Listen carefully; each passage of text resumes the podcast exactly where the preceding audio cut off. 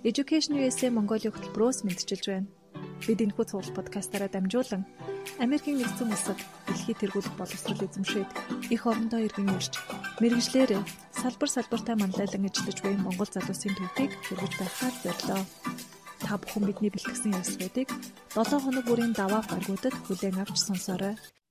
Сайн байцгаана эрхэм сонсогчдоо. Монголд Америк төгсөгчтэй холбоо буюу MASA Education USA Mongolia хөтөлбөрөөс эрхлэн хүргэдэг Америкт суралцсан миний төг цуврал подкастын өнөөдрийн манд дугаар эхлэхэд бэлэн боллоо. Тэгээд энэ удаагийн дугаарт FLTA гэж Америкийн засгийн газрын 100% тэтгэлэгтэй хөтөлбөр байдаг. Энэ хөтөлбөрт бас шалгараад оролцоод ирсэн. Халиунаа оролцож байна. Тэгээд бид нэр урилга хүлээж авсанд баярлалаа. Энэ өдрийн мэндийг хүргэе. Өөрийгөө манад сонсогчдод танилцуулаад хоёулаа яриагаа эхлэе. Сайн байцгаана уу? За баярлалаа. Юуны өмнө бас энэхүү подкастад орох боломжийг олгож урилж оролцуулж байгаа та бүхэн бас энэ өдрийн мэндийг хүргэе. За би Америкийн нэгдсэн улсын 100% хэсэгт орших Пенсильвани мужийн Филадельфи хотод байдаг Пенсильвани их сургуульд Fulbright FLTA буюу Монгол хэлний туслах багшийн ажлыг хийнгээ магистрийн хичээлүүдэд бас хамрагдаад ирсэн. За би 2013 онд MIU олон улсын дээд сургуулийг англи хэлний багш мэрэгчлэр төгсөөд төгссөн жилээ LEI хэлний бэлтгэлдээ 3 жил олон улсын оюутнуудад сурагчид бас англи хэл зааж туршлага хуримтлуулсан. За ингээд тухайн үедээ бас Монголд Монгол дахь ганц уул уурхаан сургууль болох GMIT Налах хотод байрладаг энэ хөл сургуульд багшийн туслах англи хэлний багшаар ажиллаж байгаад тухайн жилд магистрийн хөтөлбөрт хамрагдах боломжоор тухайн сургууль маань хангаад би магистрийн зэрэгээ Монгол улсын багшийн сургууль 2018 онд гадаад хэлний боловсрал зэрэгээр хангаалсан. За тэгээд тухайн одоо ажиллаж байх хугацаанд 10 жилээ төгсөөд оюутан болж ирж байгаа хүүхдүүдийг хараад бас дунд ахлах ангаас нь сайн одоо энэ сурагчтай бэлдэх хэрэгтэй юм байна гэдгийг олж харсан. Санц сургуульдаас ажиллаж эхэлсэн. За тухайн үед FLT хөтөлбөр маань зарлагдаад найз залуу нь манаас Америкт байдаг гэсэн болохоор Америкийн нэгдсэн улс руу явах том түлхийг золж өгсөн гэж санагддаг. Тэгээ хүн яг цагаа тулах юм бол үнэхээр ингээд зөрөгтэй болж чаддсан байлээ. Анх улсад хүлээн шүргсэн шалгалт өгөхөөсөө айгаад тэтгэлэг хөтөлбөрт материал өгнө гэж бас ерөөсөө боддоггүй явсан. Тэгээ FLT хөтөлбөрийн шалгуур болох насны хязгаар нь бас тухайн үед надад сүүлийн бөгөөд бас үзээд ингээд авах боломжтой тийм хөтөлбөр байсан учраас санаа шулуудаад өөртөө маш ихтгэлтэй орж исэн. Би бүр ярьслан өгж явахдаа аль хэдийн авчихсан юм шиг ихтгэл дүүрээ орж исэн. Одоо ч гэсэн санаж байна. Хөтөлбөр дуус дуусаж ирээд Шинэ Монгол Хармаа хүүжид одоо багшилж байна. Зөвхөн сурагчтай бас санаа тавихаас илүү хамтран ажиллагч багш нартай ч гэсэн сурсан мэдсний хуваалцахыг хүсдэг болсон ингээд эхнээс нь багц чатуугаа нөлөөлөхийг хүсээд хид хид ажил хийж хэрэгжүүлээд явж байгаа. Аа. Баярлалаа. Тэгэд FLTA гэдэг хөтөлбөр одоо яг ямар хөтөлбөр байдгийг бэ гэж маш олон хүмүүс гайхаж байгаа. Зарим багш нар маань бол бас энэ хөтөлбөрийн талаар маш сайн мэд. Яг энэ хөтөлбөр ямар хөтөлбөр байдгийг бэ гэдэг энэ талаар бас дэлгэрэнгүй мэдээлэл маш олон хүмүүс FLTA гэдэг хөтөлбөрийг хамгийн анхудаа бас сонсож байгаа байх л та. За тэгэхээр яг хуу за FLTA хөтөлбөр бол багш хүн бүрийн хүчээ сориод явах ёстой хөтөлбөр гэж би боддог. Foreign Language Teaching Assistant буюу монгол хэлний багшийн хөтөлбөр юм аа. За томоохон соёлын хөтөлбөр учраас хуттай хандах хэрэгтэй. Хэл соёлоо танилцуулж, монголоор сурталчлах нэг гайхалтай хэлбэр гэж бас ойлгож болно. Анх монгол хэлний багшийн туслах хийнэ, монгол хэлээ заана гэдгээс сонсоод их гайхаж исэн англи хэлийг л зааж байсан болохоос монголоор ярьдаг л болохоос зааж үзэж байгаагүй надад бол хамгийн түрүүнд мэдгүй зүйл байхгүй гээд тийм ээ дүрмээ эргэж харах хэрхэн заах вэ гэх мэт асуудлууд одоо гарч ирж исэн. Тэгээ энэ хөтөлбөр маань багшийн туслахын хөтөлбөр учраас тэндээ багшаасаа арга барилыг нь сурах сайхан боломж юм аа хэл соёлоо заанга бас магистрийн хичээлүүдэд тэр сайхан сургууль сураад сурах тийм боломж олддог нь үнэхээр гайхалтай. За анх одоо хичээлүүдэд нь суугаад яана түүхийн андаа гэх зэрэг бодол маш их төрж айж байсан. Тэгээ яваандаа гайг болсон. Одоо хүн өөрөө л нөгөө хичээл сэтгэлтэй эдэг санаачлахтай байхад хаад сурах одоо боломжтой санагдсан.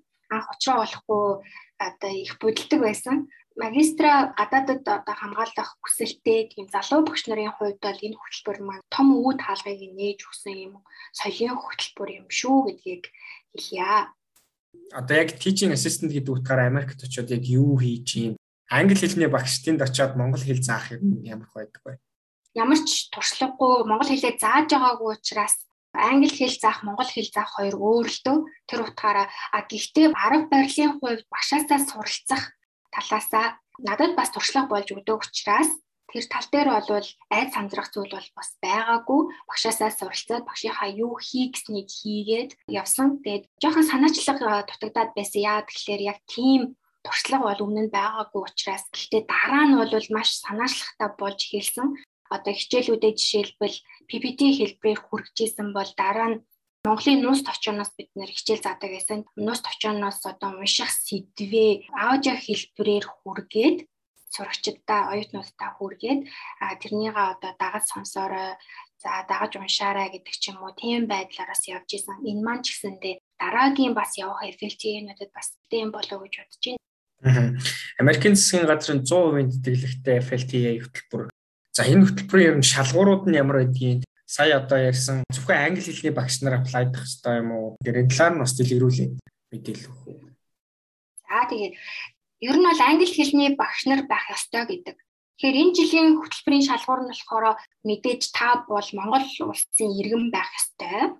За тэгээ бакалавр болон түүнээс дээш зэрэгтэй байх юм бол давуу тал болно. Миний хувьд болохоор магистр зэрэгтэй байсан учраас бас давуу тал юм болов уу гэж би бодсон. Англи хэлний зохих мэдлэгтэй байх ёстой. TOEFL IBT-ийн 79-с 80 гэж шаардсан байсан. ITP-ийн 550 IELTS-ийн 6-аас 6.5 оноотой байх шаардлагатай. За мөн насны хязгаартай байдаг энэ хөтөлбөр маань 22-оос 32 насны байх ёстой гэдэг. Миний явсан жил болохоор 33 нас байсан. Энэ жил болохоор нэг насаар залуучсан байна шээ. Материал одоо бүрдүүлэлтийн хувьд болохоор мэдээж онлайн аппликейшн бүглэн дипломынхаа хуулбаруудыг өгөөд дүнгийн хуулбаруудаа өгөөд англи хэл дээр мэдээж байх хэрэгтэй. А гурван тодорхойлох загтал бас англи хэл дээр байх хэрэгтэй. TOEFL IELTS-ийн оноо болон CV. Энэ дээр бүр тодруулж ингээд хэлхийг хүссэн зүйл маань юу вэ гэхээр нөгөө тодорхойлох загтал бичүүлэхдээ төгссөн сургууль ажлын газрынхаа одоо чамайг өөрийнхөө хамгийн сайн одоо мэддэг тийм хүмүүсээрээ тодорхойлох загтлуудаа бас бичүүлж авбал их зүгээр байдаг. Монголын ер нь ихтэй сургуулиудад оюутнуудтайгаа тулж ажиллаж чаддаггүй их олон оюутан байгаагаас шалтгаалаад ч юм уу тийм ээ сайн мэдэхгүйгээс болоод тодорхойлох цэцлээ өөрөө бичтгээ тэгээд би гарын хэсэг зурж үеийг их байдлаар ер нь яваад байдаг. Энэ нь бол маш буруу гэж би боддог. Хичнээн одоо ажилтай байсан гэсэн оюутнуудаа сайн мэддэг. Тэднийхээ чадварыг мэддэг тийм ээ. А менежерүүд нь ажилчдынхаа хэн бэ гэддэг байх бас их чухал гэж би боддгийн. Тэгээд яг тэр мэддэг хүнээсээ тодорхойлох цатлаа авчих юм бол тодорхойлох цатлж уншихт хүртэл ялгараад ирдэг. Цаашлаад бүр тухайн багш юм уу менежер дарагтайгаа та ямар харилцаатай байсан бэ гэдгийг хүртэл ингээ мэдрэгдээд ирдэг учраас энэ дээрээ маш сайн анхаарах хэрэгтэй. Дээрээс нь CV болон резюмегээ бичихтэй одоо жил бүр ингээд өөрөө бас цасан сайжруулад ингээд бичээд явах юм бол их зүгээр байдаг. Маш олон төрлийн тийм темплейтүүд бас бүтээгдчихсэн байгаа. Тэр болгоныг бас судлаад хайжгаад одоо өөр тохиолдсон шинжилэгдсэн тийм загварт тийм ээ оруулаад бичих юм бол их сэтгэл үлдээдэг ямар утгатай юм бэ гэхлээр шинэ үетэйгээ та хүл нийлүүлдэг юм байна. Шинэ содон бүхний туршдаг юм байна гэдгийг бусдад харуулдаг гэж ойлгож болно. Тэгэхээр Монгол улсын иргэн байх хэрэгтэй юм байна. TOEFL IELTS ямар нэгэн оноотой байх хэрэгтэй юм байна. Мөн одоо аппликейшн материалуудыг бүрдүүлсэн байх хэрэгтэй юм байна. Recommendation letter-ыг авсан байх хэрэгтэй юм байна. Аннаас гадна багш нар маань яг энэ хөтөлбөрт материал илгээж байгаа багш нараас ямар нэгэн насны хязгаарлал одоо тэдээс тэдэн насны хооронд байх ёстой ч гэдэг юм уу тиймэрхүү юм байдгүй. Тий, түрүүн би бас дурдсан 22-оос 32 насны байх гэж энэ жилийн хөтөлбөр дээрх шалгуур бол 22-оос 32 гэж бичсэн байсан. Миний хувьд бол 33 байсан. Тэгээд энэ илүү залуужаад байгаа санагдсан надад. Ер нь бол сайт дээр тавигдсан байгаа материал бүрдүүлэлт харах зүйлүүдтэйгээ сайн уншиж танилцах чухал санагдсан. Аа. Багш нар бас одоо яг энэ подкастыг гэхээр сонсоод энэ FLTA гэдэг хөтөлбөрт материал илгээх байх гэж бодож чинь. Тэгээд тэр багш нар бас сонирхож асуух байх л да. Таны хувьд recommendation letter-ууд буюу тодорхойлох цагтлуудаа ямар ямар хүнээс авч исэн бэ? За би тодорхойлох цагтлуудаа яг MIU-гийн илүү ойр байдаг намайг илүү сайн тодорхойлж чадах үйс тийм багш маань байсан. Хичээлд ордог багш. Тэгээ дээрэс нь сургалт хамт явуулж исэн ч юм уу тийм ээ хамтдаа ямар нэгэн зүйлийг бас хийжсэн багаар хамт ажиллаж исэн ч юм уу тийм багш байсан болохоор их гоё намайг сайн тодорхойлж өгсөн байх гэж би бодож байна. Дараагийнх нь хүн болохоор манай департаментийн одоо дарга байсан. За департаментийн даргаасаа бас аавн гэдэг бас бас их чухал би одоо яг тэр департаменттэй хэр одоо оюутан байсан бэ тийм ээ? Бусдад нөлөөлдөг байсан бэ ажлыг хэрхэн хийдэг байсан бэ ч юм уу? Би ямар нэгэн байдлаар сайн дурын ажлыг бас манай MIU дээр хийдэг л дээ. Тэгэхээр сайн дурын ажлыг ч гэсэн хэрхэн хийдэг байсан бэ гэх талаас маань илүү нөгөө товоолгож намайг тодорхойлж бичиж өгөх болов уу гэж бодсон. Тэр нь ч бас яг онсон гэж би бодож байна. Гурав дахь нь болохоор GMIT-д ажиллаж байх хугацааны дарга маань байсан, герман хүн байсан. Тэгээ ер нь бол тодорхойлох цагтлуудаа би дандаа гадаад хүмүүсээс авсан байгаа. Яг тэгэхээр яг тийм гадаад хүмүүсийн орчинд бас ажиллаж байсан учраас энэ нас илүү том одоо түлхэц болж өгсөн болов уу гэж боддог. Яг одоо офис тийм ээ. Яг хажууд нь суугаад би яг юу хийдэг байсан бэ? Орчуулгын ажил болон ямар нэгэн үүрэг даалгавар өгсөн болвол би хэрхэн үздэг байсан бэ гэх юм уу. За тэр талаас нь намайг илүү сайн тоолгож бичиж өгсөн болов уу гэж би боддгийн бичсэн эсэн дээр анхаарах хэрэгтэй. Эсээгээ бас хэрхэн бичиж чамайг танихгүй хизээж харж байгаагүй хүмүүс чи өөрийгөө ойлгуулна гэсэн үг шүү дээ. Бичиж байгаа зүйлээ өөрөө сайн мэддэг байх хэрэгтэй. Яг гэвэл хэрэг 2 дугаар 2 дугаар шатандаа тэнцлээ гэхэд орохдохгүй тулд шүү дээ тийм ээ ярьж байгаа зүйл маань бичиж байгаа зүйлтэйгээ бас холбогдсон байх хэрэгтэй гэж санах хэрэгтэй.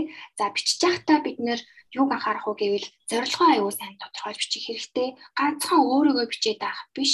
Би хүмүүстэй хамтарч ажиллаад юу хийж байсан бэ? Би хүмүүст юу хийж хэрхэн нөлөөлж байсан бэ? За тэр нөлөөлсөн нөлөөлөл маань хин нэгэнд яаж тийм ээ хэрхэн амьдрал дээр одоо биелэлээ олсон бэ гэдэг ч юм уу. Яг тэр нэг юм жижиг ч гэсэн хамаагүй бодит зүйлийг ингээд гаргаад бичих юм бол илүү санагцсан тийм учраас эсэн дээр бас тэр тал дээр анхаараарай гэж хэлмээр байна. Материалаа бүрдүүлж яхад ер нь хамгийн сорилттой хүнд хэсэг нь яг юу байсан бэ? Ерөөсөө яг эсэл байсан. Эсэн дээрээ л маш сайн анхаарч бичих хэрэгтэй санагдсан. Хүмүүс эсээгээ бичихтэй хитрхи гоё үг ашиглаад гоё чимэглэх гээд ч юм уу за эсвэл бүр хизээж хэрглэж байгаагүй үгээ ч юм уу биччих гээд зэдэдэг. Хамгийн гол нь эсээ айгүй тийм энгийн байх хэрэгтэй. Яг өөрөө хөрөө бичих хэрэгтэй. Хин нэгний үг ч юм уу өгүүлбэрийг ерөөсөө тэнд ашиглах хэрэггүй. Гол нь чиний өөрийн чинь яг энгийн байдлаар яг л одоо өөрийн чинь түүхэл байх хэрэгтэй. Чи ямар ямар зүйлийг туршиж үзэж хийж тийм ээ ямар ямар зүйлийг ирээдүйд мөрөөдөж зорж байгаа вэ гэдгийг л бичих хамгийн чухал гэдгийг тэндээс харсан байгаа. Аа. Бусад хөтөлбөр одоо бакалаврын ч юм уу эсвэл магистрийн Fulbright гэхэд хэд хэд үе шатыг дамждаг шалгаруулалтанд нь орохын тулд эхлээд одоо материалаа явуулаад дараа нь ярилцлаганд ороод дараа нь улсын хүнийг тухайн сургуулиудад номинейт хийгээд ингээд тэнцэх юм бол тухайн хөтөлбөрт хамрагддаг. FLTA хөтөлбөрийн тухайд ер нь үе шат шалгаруулалтын тухайд ямар хөө юм бэ? FLTA хөтөлбөр бол маш одоо олон шалгуурыг дамжиж иж гардаг хөтөлбөрөө. Яагаад олон гэж хэлж байгаа вэ гэхлээр бас их өрсөлдөөнтэй гэж хэлж байгаа вэ гэхлээр Монголоос ердөө нэг л FLTA явдаг, нэг л багш явдаг гэсэн үг. Тэгэхээр маш өрсөлдөөнтэй байна. Тэгээд дээрэс нь шалгуур өндөртэй байдаг. Эхний шалгаруулалт нь болохоор таны одоо бүрдүүлсэн материал дээрээс материалууд бүрэн байгаа эсхийг харна. Шалгууруудыг даасан байгаа эсхийг хардаг. За тэгээд дараа нь ярилцлагын шат буюу хоёрдугаар шатн дээрээ орно.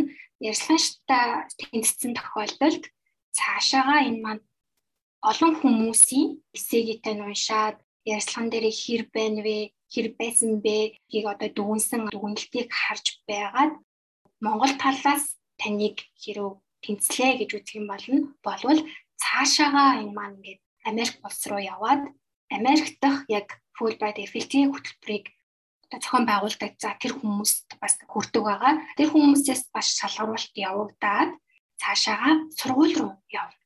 Сургууль дээр очиод миний ажиллах гэж байгаа их сургууль хэрв намайг авъя. Тийм ээ. Би одоо тэнцлээ гэх юм бол надад сургуулаас matching process гэж одоо имэйл илгээдэг. За Монголоос нэг багшил явдаг учраас matching process дээр бол айгаад бол шаардлага байхгүй сонгох гээд тийм ээ аль сургууль руу вэ гэх мэтчлэн тиймэрхүү зүйлийг бол хийх бол шаардлагагүй яа гэвэл нэг л багш авдаг учраас нэг сургуулийн санал ирнэ гэсэн үг.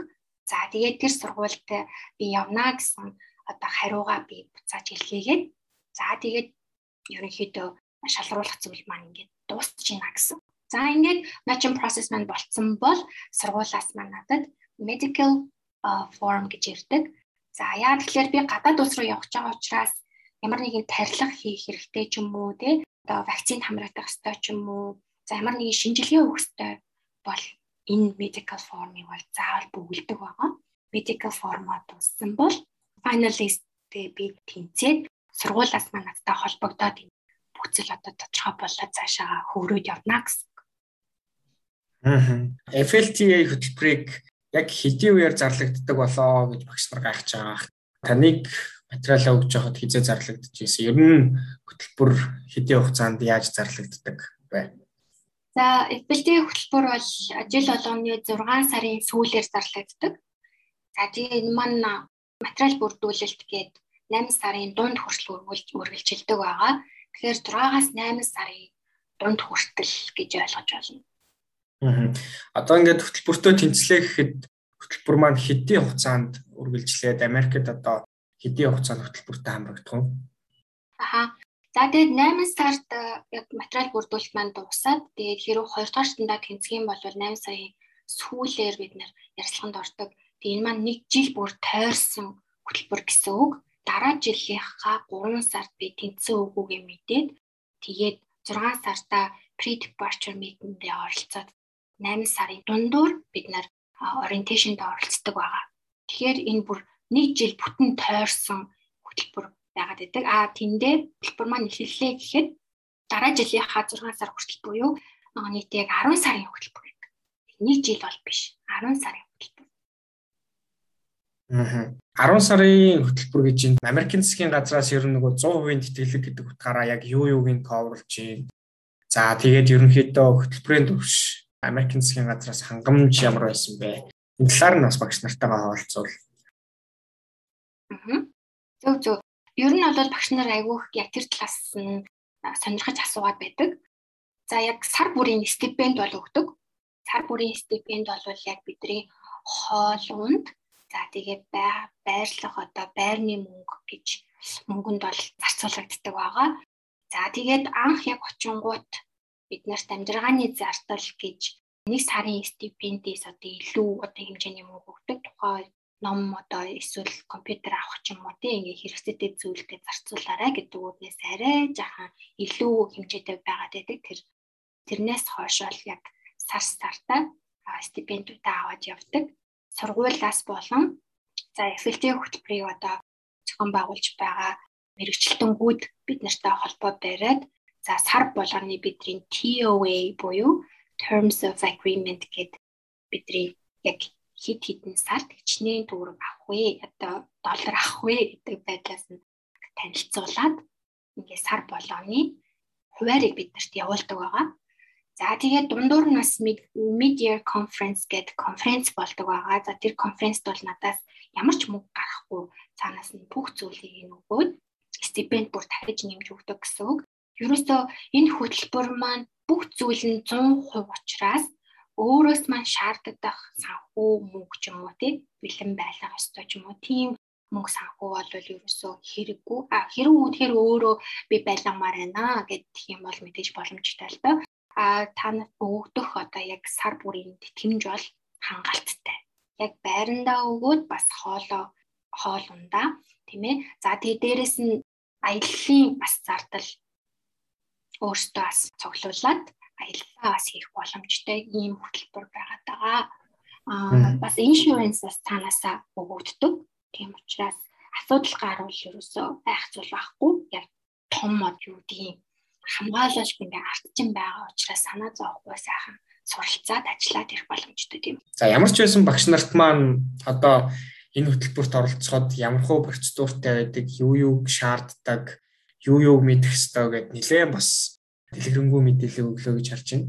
За очсны дараа ямар хотод очив? За тэгээд мууж болон одоо очсон хотынхоо тухай бас дэлгэрүүлээд яриач Америк ч олон мужтай цаг уур, уур амьсгал, амьдралын нөхцөл байдал гэд бүх зүйл нь байршлаасаа шалтгаалаад өөр үүдэг. Тэгэхээр таны хувьд очсон муж болон хот нь ямар хуу байсан бэ? Юугаар онцлог байсан бэ? Тэр талаар нь бас сонсогчдод манай болцооч.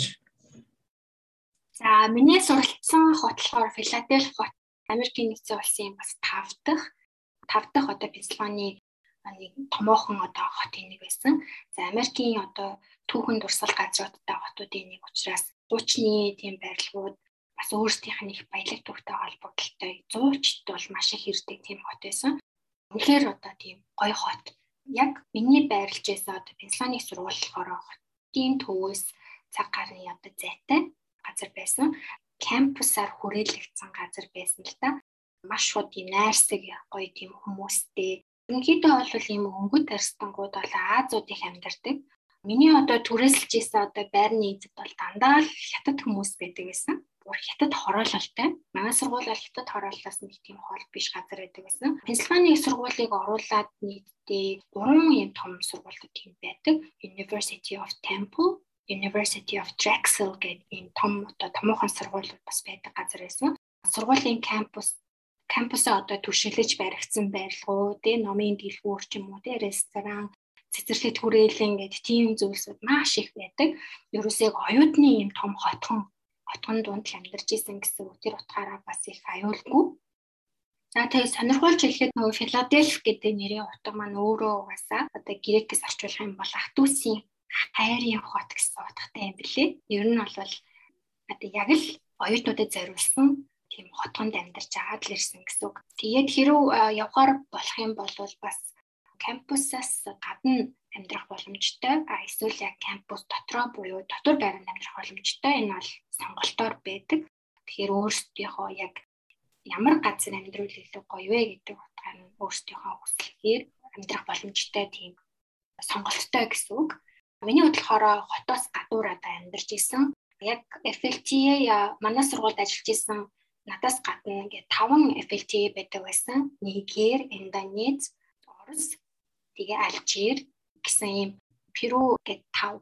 Тэгээд намайг настай нийлээд ингээд сургуулаа бид нар Пенсильваник сургуульд ажилладаг байсан. Тэгээ ингээд сургуулаа бид нар ярьж байгаад нэг газар хамтдаа ингээд түрээсэлж амьдарч исэн. Бас энэ айгуу сонирхолтой. Давуу талтай яа тэгэхээр бид нар бас бие биентэйгээ холбоо харилцаатай байж би биендээ тусалж дэмжих тийм ээ. Ямар нэгэн cultural event-ийг бас хамтдаа хийх гэх мэтчлэн иймэрхүү ажлуудыг бас хамтдаа хийдэг байсан учраас хамтдаа амьдрах нь бол бас их сонирхолтой санагдчихсэн надад. Аа тийм. Одоо зарим хүмүүсийн хувьд бол Америкт суралцсан гэдэг бол бүр холын мөрөөдөл байдаг л та бид нар Америк төгсөгчтэй холбооныхон бас аймагуудаар яваа сурагчдтай уулзж хахад тэр бол баг хөрч боломгүй тийм холын зорилго юм шиг холын мөрөөдөл юм шиг одоо тийм мэтэр төсөөлж хүлээж авдаг сурагчид маш их олон байсан.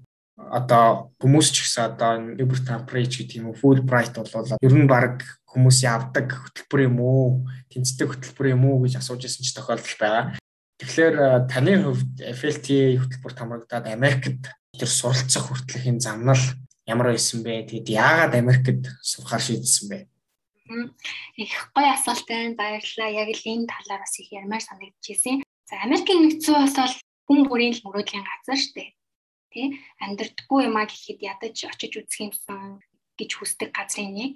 За миний хувьд багаасаа л бүр Америкт очиж үзэх мөрөөдөлтэй байсан. Жохон бахтай бид нар гэртээ ганцаараа гэл кино үздэг байсан шүү дээ. Тэгээ Нью-Йорк төрсөн гэл 2 дугаар ангийн үзчихэл Нью-Йорк хотод очиж үзэх юмсан гудамжаар нь ядаж ингээл алах юмсан гэл бүр гудамжаар нь алхаж байгаагаа бүр бараг төсөөлдөг байсан. Тэгээд хүн ер нь аливаа зүйлийг нүдэндээ ингээ бүр хараад ингээ төсөөлж чадах юм бол амьдрал яаж ийж агаад л яг тэр зам руу ингээ хөтэлдэг юм шиг надад санагдсан. Анх англи хэлний багш болёо, англи хэлтэй болъё гэж бүр ерөөсө боддогчгүй явдаг байсан. Миний одоо анхны мэрэгжил бол эрх зүйч хуульч мэрэгжил ахгүй юу? ээж маань яг хуульч мэрэгчлээ учраас мэрэгчийн бас би өвлөө гэдэг утгаараа бас шихий утга үе зүйн дэд сургуульд анх ирсэж орсон. За тухайн мэрэгжилтэй бас их тийм дуртай байгаагүй болохоор сайн бол суралцаж бол би чадаагүй. Гэхдээ бурхан надад хоёр дахь боломжийг олгосон гэж би мэддэг. Англиар ярьж байгаа хүмүүс аягүй гоё харагдаад л гадаад улсын хүмүүстэй ингээл төвгүй ингээл ярьж байгаа хүмүүсийг хараад хэл сурмаар санагдал гэж явмаар санагдаад эхэлсэн. Тэгээд англи хэлээ англи хэлдээ бол бүр 0 байсан шүү дээ. Бүр англи хэлээр өөрийгөө танилцуулж бараг чадахгүй. My name is Халиунагаас л цаашлахгүй л байдаг байсан. Аа нэг найз маань юм юу айгүйх гой сургуулаа чинь сургуулийг сонирхоод үзээч гэж санал болгосон. Тэгээд бүхчээл нь англи хэл дээр явагддаг гэл олон улсын хүүхдүүдээс сурна гэл тэгтэн эхэндээ бол үнэндээ бол айсан. Яа тэгэхээр ингээл алдаа хийж юу байдал бас ормооргүй байгаа даа штэ мэдгүй хэлээрээ ингээл мэдгүй хэлээр хүн юм яриад эхлэнгүүд нь би хариулж чадахгүй бол яана гэдэг ч юм уу. Нэг тиймэрхүү айцуд маш их байдаг байсан. За тэгээ хоёр дахь их сургуультаа сурна гэж бодхоол нөгөө нэг ээжтэй хэлхээс айгаал тий. Яаж бас 4 жил заваа заваа очоод дахиад 4 жил дахиад сурна гэхүүдээ. Тэгэхээр бүр ингээл нэрмээс болж яхаар за ажил хийгээл ээжтэй нэмэр болъё гэд тийм бодол илүү байгаад байсан. Тэгсэн чинь харин яасан бэ гэхэлэр гайхалтайгаар ээж маань маш баяртайгаар хүлээж авсан. Бас олон улсын сургуульд англи хэл суралцаад ингээд ингээд явах юм бол өхний маань амьдрал бас өөрчлөгднө гэж бас ээж маань итгэсэн юм шиг байсан. Тэгээд миний амьдрал бол ингээл англи хэлтэй яг энэ цаг мөчөөс эхлээл холбогдож эхэлсэн. Англи хэл суралцж байгаа одоо хүний хувьд мэдээж хэрэг Америк явна гэдэг бол бас нэг мөрөөдлөө биелүүлэхийг биелүүлэхийг одоо хүсэх нь ойлгомжтой тийм ээ. Тэгээд Америк зүгээр нэг очисонгүй бүр энэ хэл соёлоо танилцуулангаа тэтгэлгээр яваад ирэх юм сайхан боломж гэсэн миний амьдралд одоо орж ирсэн. Энэ бол хамгийн одоо хэрэгтэй зөв цагтаа орж ирсэн гайхалтай хөтөлбөр гэж би хэлмээр байна. Хэл сурсан. За тэгэл хэл сурхаас л одоо гадагшаа явах дэлхийн топ сургуулиудад одоо засгийн газрын хөтөлбөрүүдэд тэнцэх гэх мэтчлэн томоохон боломжууд нэгдэж эхэлдэг маш олон хүмүүс хэлийг яаж сурах вэ? Англи хэлийг яаж сурах вэ гэж асуу. Тэр англи хэлний багшийнхаа хувьд халиуна багш одоо яг англи хэл сурах гэж байгаа, сураад явж байгаа хүмүүст юу гэж зөвлөх вэ? Тэгэхээр альва хэлийг сурах гэж байгаа хүн эхлээд их хэлээс нь сурах хэрэгтэй юм байна гэдгийг би FLT хөтөлбөрөөр сурсан. Яагаад гэвэл би монгол хэлээ зааж аваад ирсэн. Монгол хэл соёлоо хичнээн гайхалтай юм бэ гэдгийг би тэнд мэдээд ирсэн. Монгол бичгээр тэнд суралцж байгаа оюутнууд надаас илүү бичдэг, надаас илүү уншдаг, айл хэдийн Монголын түүхийн талаар мэддэг болчихсон. Монгол соёлыг надаас илүү мэддэг тийм байгаад исэн. Тэгэхээр нэг талаасаа би маш хийцэн. Нөгөө талаасаа би хамтдаа суралцж аваад ирсэн. Тэр энэ бол айгуу тийм би бинийг нөхсөн гоё үйл ажиллагаа болсон гэж ойлгож байна. Сурах гэж байгаа, сурах гэж байгаа хэлтэй бас дурлах хэрэгтэй тухайн хэлдээ бүр дурлаж тийм ээ бүр энэ ямар гоё хэлвэ бүр энэ хэлийг бүр сурах юмсан гэсэн нэг тийм хүсэл эрмэлзэлтэй байх хэрэгтэй гэсэн үг юм. За энэ хоёр суурийг л бид нэр сайн тавьчихсан байхад ямар ч хэлийг сурах боломжтой. Нэгдүгээрт нь их хэлээ сайн сурсан байх, хоёрдугаарт нь сурах гэж буй хэлтэй дурлах. Тэгэхээр хүнд өөрт нь ингээд ийм зориг ямар нэг юм суралцах юм бүшүүрэг байгаа цагт бол ямар ч одоо хэлхийг хурдан зурх боломжтой. Тэр хэлтэйгээ холбогдлолтой бүхэл зүйлд нь дурлан гэсэн үг шүү дээ. Ганцхан дурлан гэхэл өө би дуртай гэд яваад байх биш. За тэр аваа дуудлага, үг хэллэг, дуу, шүлэг, кино, ном, зохиол, соёл, урлаг за тэр хэлтэй холбогдлолтой юу л байж болох вэ? Бүх зүйлд нь дурлан гэсэн үг. За тэгэл аяанда хүний ярьж байгаа нь ойлгох байхгүй байж байгаа л ойлгодож эхэлнэ. Жигчин онгоогоо л эхэлнэ. Илүү урам аваад эхэлнэ тийм ээ. Аяанда ярих гэж айж исэн бол бүр одоо бутнаал айгаад идэв гэсэн бол тэр чин байхгүй болол. Одоо жоохон чимээгүй байдаггүй гэж бүр хүмүүсийг хэлтэл бүр ярьдаг болно гэж болчихдог угаасаа. Тэ айгуу дуртай байх хэрэгтэй. За тэгээд бас дээрэс нь их хэллээ сайн сурсан байх хэрэгтэй байт юм шүү гэж хэлмээр байна. Аа. Сонсож байгаа хүмүүс маань бас монгол хэлээ маш сайн үзээд байгаа англи хэлэндээ бас нэлээд дурлах хэрэгтэй. Тэгээд бас нэг гоё юм нөгөө англи хэлийг монгол хэлний дүрмүүдтэй бас харьцуулаад дүрмүүдээ сураад явах юм бол бүх цаашдаа илүү амархан тийм системтэйгээр сурах бас аргачлалууд байт юм лээ. Тэрийг бас манай сонсогчид бас цаашаа судалж үзэн байх гэж бодож байна. За Америкт ингээд очиод яг хөтөлбөр хамрагдаж явах үед ерөнхийдөө таны нэг өдрийн амьдрал хэрхэн яаж өнгөрдөг байсан бэ? Америкт байх, суралцж байх үеийн дурсамжаасаа суулцаж хамгийн хүнд хэцүү сорилттой үе нь юу байсан? Хамгийн сайхан өч нь юу байсан? Тэр талаараа бас бидэнтэй уулзаач.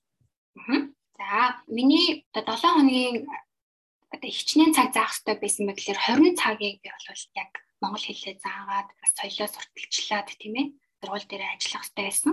Тэрнээс өөр бусад цагуудыг бол мэдээж хэрэг одоо Америкийн соёлыг соёлтой танилцаж за хотуудаараа яллах ч юм уу тий найзад тэ шинэ найз нөхдөд болох гэх мэтчлэн за энэ бол ерөөсөө эрх чөлөөтэй байсан. Одоо ч гэсэн бол сургууль руугаа ингээл явдаг байсан гудамжаа амьдарч исэн гэрээ би маш их нүдэндээ харж их сандаг. Болдог бол бүр нэсэд очичмоор л байна. Тэгээд дурсамжтай зүйлээ яг дуртыг гэх юм бол дэндүү олон байна л та. За хөтөлбөрийн үед бол хийжсэн мэдээж нөгөө ажлууд маань байна, соёлын өдрүүд маань байна. За тэгээ шинэ найз нөхдөдөө болж явах үе. За одоо ч бас сайн үгээ бичдэг ингээл бусад орны эффективнүүд байна тий. Ажлаа чин сэтгэлээсээ хийж бас Монголоо таниулж хэл соёлоо зааж явсан одоо цээ наран цэцэг багш маань байна. Маш олон сайхан дурсамжуудыг бид нар хамтдаа бүтээсэн. Багшаас ихцүүлээс суралцсан. Хангалттай одоо сайн ол би байгаагүй байх тэр бүгдээ бас багшаас уучлаарай гэж хэлье. Хамгийн хүнд зүйл гэхээсээ илүү бас хөгжилтөө зүйлсүүд нь одоо их байсан болоо гэж бодож байна.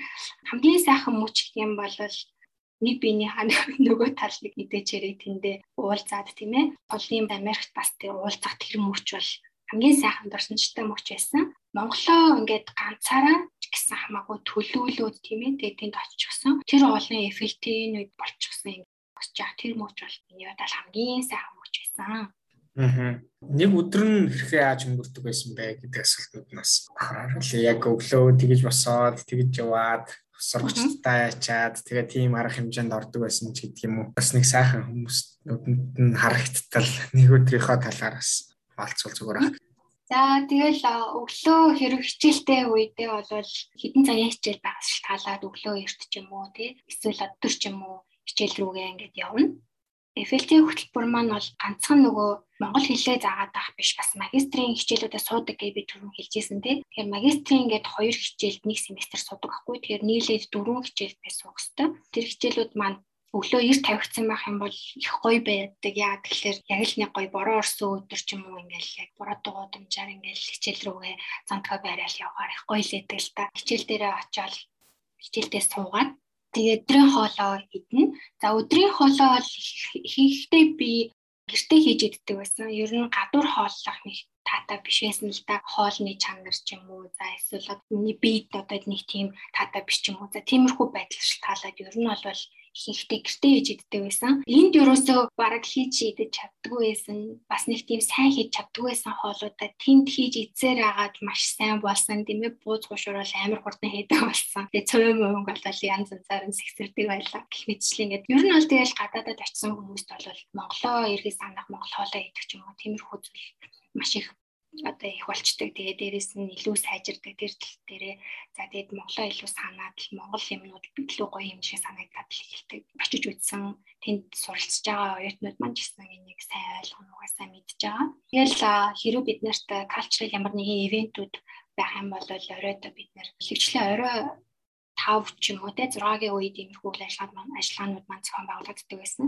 За тэндээс нэг зүйлийг дуртай юм бол соёлын яг үйл ажиллагааг яг сургууль дээр Пенсильваник сургууль дээр болж исэн том танхимд бид нар яг өөрсдийнхөө Монголоо ч юм уу те өөрсдийнхөө улсыг ингээд танилцуулаад ширээ засаад өөрсдийнхөө авчирсан соёлын гэж хүмүүст таниулах юу байж болох вэ? За би энэ чинээс явахдаа ансан тоглоом шагаа гэх мэтчлэн тийм зүйлүүдийг авч явж исэн. Багш маань бас яг тэнд амьдардаг учраас маш их материалуудаас багш байдаг гэр тоглоомоо тий ингээ өөрөө угсардаг гэр нэг бас угсраад тэгээд ирсэн хүмүүстэй Монголынхон тухай танилцуулаад сонирхож ирсэн одоо бүтээгдэхүүнүүдийн танилцуулах ч юм уу тий. За тэгээд цагаан эдээ байвал амсуулах ч юм уу тоглоом надаа тоглож үзүүлэх морь уралдах шагаа ингээд игнүүш тайд те морь уралдуулж үзэх дөрөв бэр хаюулах ч юм уу иймэрхүү бас үйл ажиллагаануудыг бас соёлын өдрүүд дээр хийхийг сонирхолтой. Хичээл заах үедээ бас Mongolian Hour гэдэг яг Монгол цаг гэдэг үйл ажиллагаануудад бас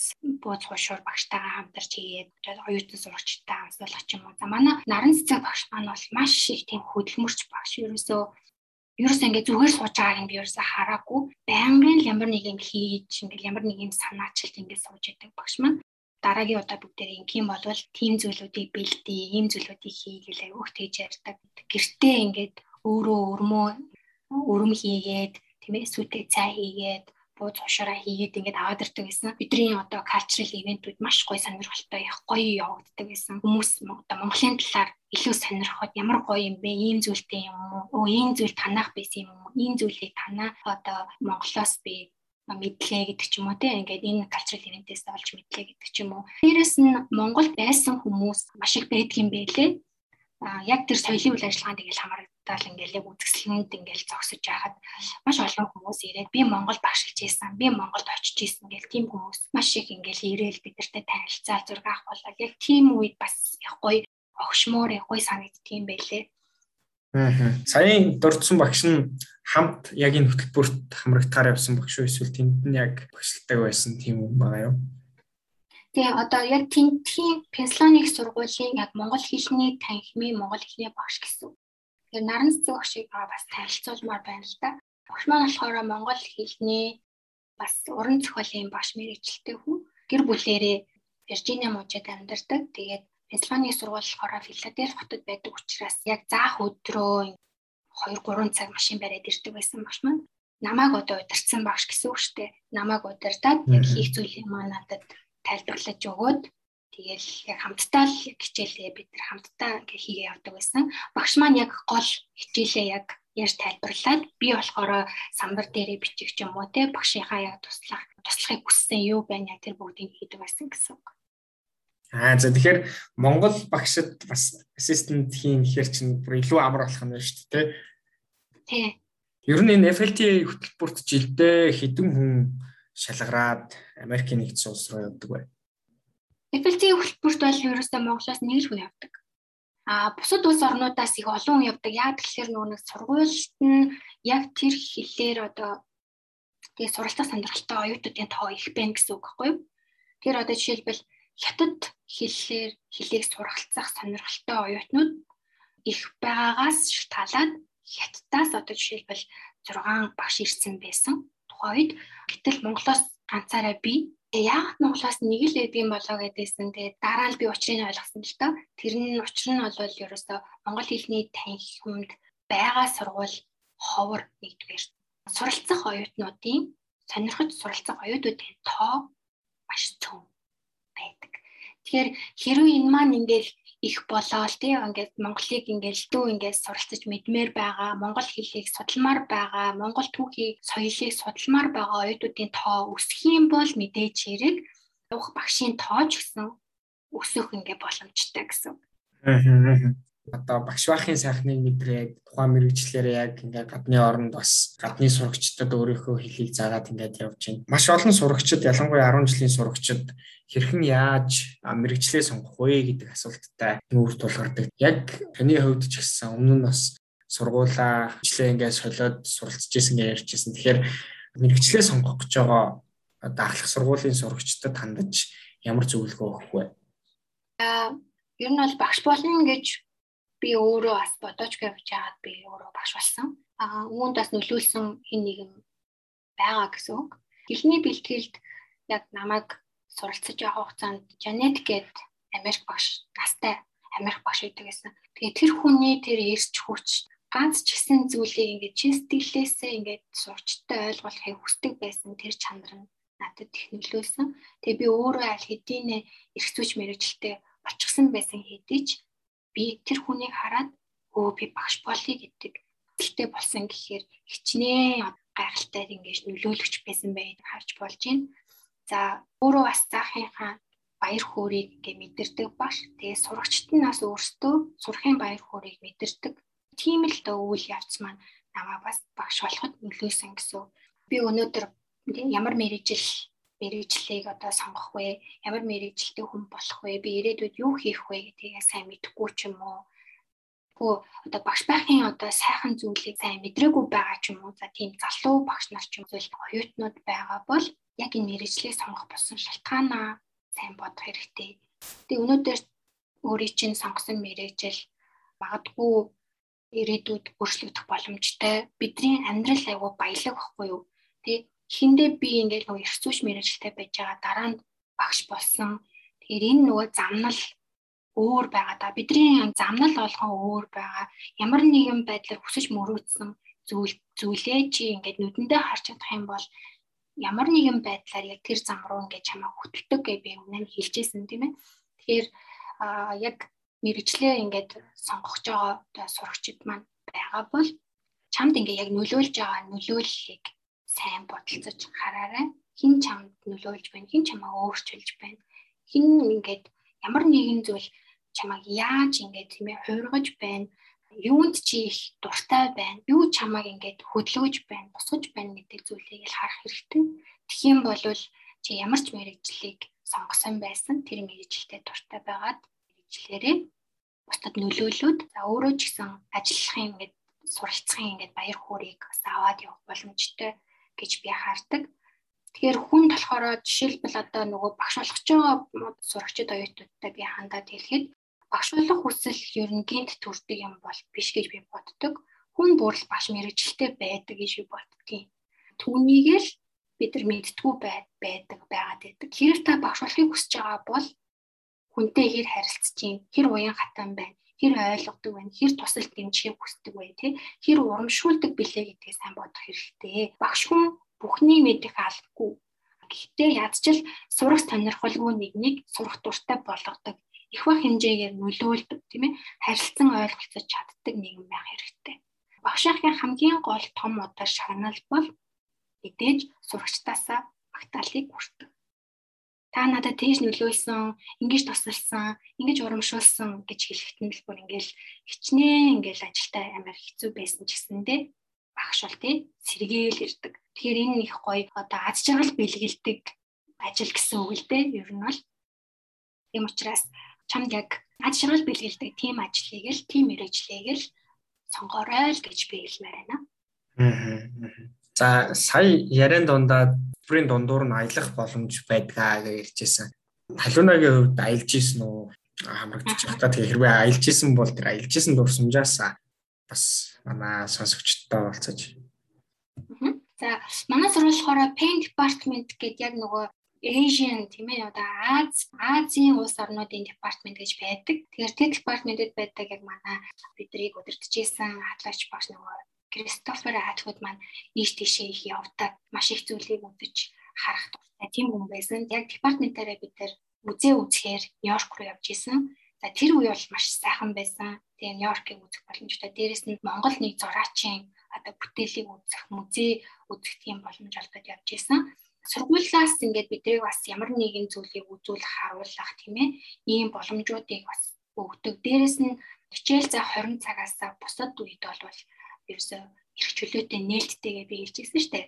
Тэгэхээр тэр үедээ болохоор бусад эффективнэттэйгээ хамтраад ямар нэгэн аялал зохион байгуулах бас боломжтой байдаг. За миний бодлохоор яг 9 сард яг хичээл эхлээд 12 сар хүртэл хичээлдээ суугаад за зарим нэг одоо сургуулийн департаментуудаас зохион байгуулсан одоо Нью-Йорк руу явах аялал ч юм уу иймэрхүү ойрхон хотуудын аяллуудыг хийж исэн боловч харамсалтай нөгөө нэг ковид гарснаас болоод маш олон төлөвлөгөөнүүд маань яг үнэндээ бол урсан.